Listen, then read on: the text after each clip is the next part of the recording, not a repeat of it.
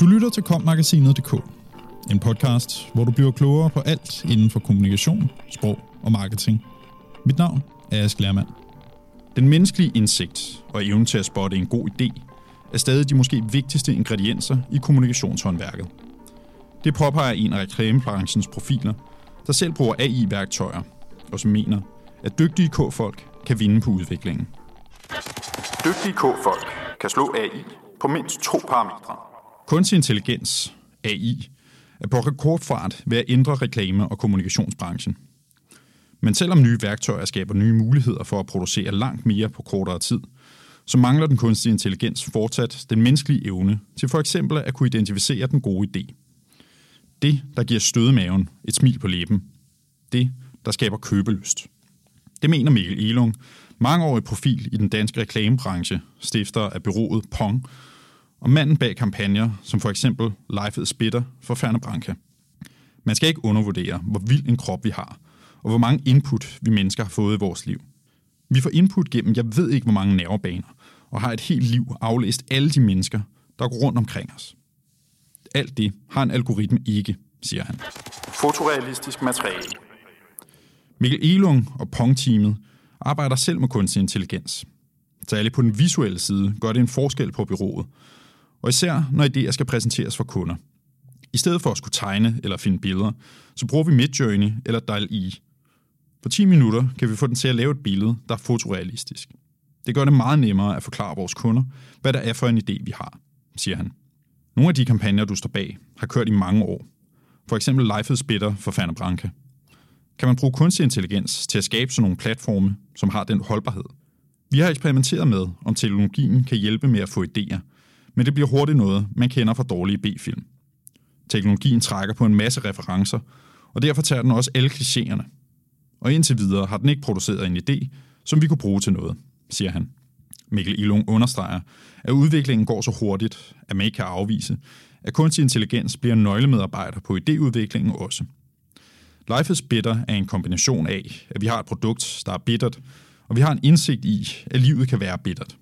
Det er en helt klassisk kombinationsteknik. Så den del kan kunstig intelligens sagtens finde ud af. Men den kan ikke selv genkende, at det er en god idé. Så der skal jo stadigvæk sidde nogle mennesker, der kan se det for sig. Og når det kommer til de konkrete eksekveringer, så handler det jo meget om at kunne tappe ind i tidsånden. Og der er der en risiko for, at det går galt, siger Mikkel Elung. Han kommer med en par tænkte eksempler. Den vil for eksempel kunne finde på at foreslå, du lever i Ukraine, life is bitter, eller du har lige fået kraft, life is bitter. Det er ikke fedt. Og det er den svaghed, som jeg ikke ved, om den nogensinde kommer over, fordi kunstig intelligens ikke er vokset op i en krop, så den kan jo ikke forstå mennesker, som vi mennesker kan, siger Mikkel Elung. Han tilføjer. Den gentager avancerede mønstre, men den forstår ikke, hvordan den menneskelige verden hænger sammen. Og når man tænker på, hvor svært det er for mennesker at forstå hinanden, så tror jeg, at der kommer til at gå lang tid, før en algoritme kan forstå os. Mennesker og idéer. Indtil videre bruges værktøjer bygget af kunstig intelligens mest i oplægs- og visualiseringsfasen hos Pong.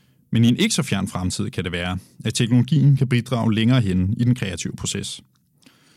På det producerende stadie kan den, hvis nu bliver god nok, blive en stor hjælp.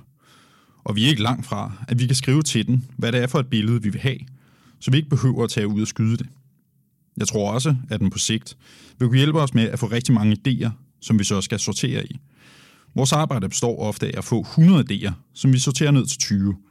Af dem er der måske en, som er rigtig god. Så hvis den kan hjælpe os med at lave de 100 idéer, så vi kan koncentrere os om at sortere i dem, så sparer vi jo også noget tid. Men er det farligt for et kreativt håndværk som jeres? Nej, det tror jeg ikke. For det kræver jo stadigvæk, at du kan genkende de gode idéer. At vi med vores erfaring og vores fantasi kan forudse, at den her idé er god og vil ramme nogle mennesker. Vores berettigelse vil være, at vi er verdensmestre i at genkende gode idéer og få dem eksekveret fantastisk. I princippet er det ikke anderledes, end hvis jeg sidder over for nogle mennesker, der giver mig nogle idéer. Her skal jeg også hele tiden vurdere, om det er en god eller en dårlig idé, siger Mikkel Elung. Men det rammer vel også din omsætning på et eller andet tidspunkt. Ja, det kan godt være. Men indtil videre, så giver det jo bare mulighed for at bruge vores tid på at skabe flere gode idéer, fordi vi skal bruge mindre tid på at visualisere dem og gøre dem forståelige, så vi hurtigere kan fange, om noget i virkeligheden er en god idé eller ej, siger han. Høj kvalitet. Mikkel Elung forklarer, at for at kunne dirigere en algoritme i en bestemt retning, bliver kodning en del af det kreative arbejde, fordi man for at skabe et billede skal have en ret præcis forestilling om, hvad det er, man vil have. Det er på volumen, at tidsbesparelsen i virkeligheden er, for hvis du har en dygtig tegner, så kan han jo hurtigt lave en skitse. Det er faktisk også i kvaliteten, og når vi skal finde ud af, hvad der er den rigtige tonalitet. Hvad sker der, hvis vi visualiserer ideen på en meget happy måde? Hvad sker der, hvis vi fortæller den på en meget følsom måde? I den situation kan man også meget hurtigt smage, om det smager godt. Men det er også der, hvor det begynder at påvirke ideen lidt, siger han. Hvad mener du med det? Det er her, hvor teknologien kan få indflydelse på ideen. Men der er stadig nogen, der sidder og skal have viden om de forskellige stemninger, der kan lægges i et billede. Og jeg er faktisk ret fortrøstningsfuld. Jeg tror, der bliver et marked for annoncører, som vil have noget billigt, hurtigt og klichéfyldt af genereret indhold. Men det vil også betyde, at de dygtige kommunikatører og reklamebyråer får en endnu stærkere plads, fordi det bliver tydeligere, at der er en forskel på god og dårlig kommunikation, siger Mikkel Elo. Du lyttede til kommagasinet.dk.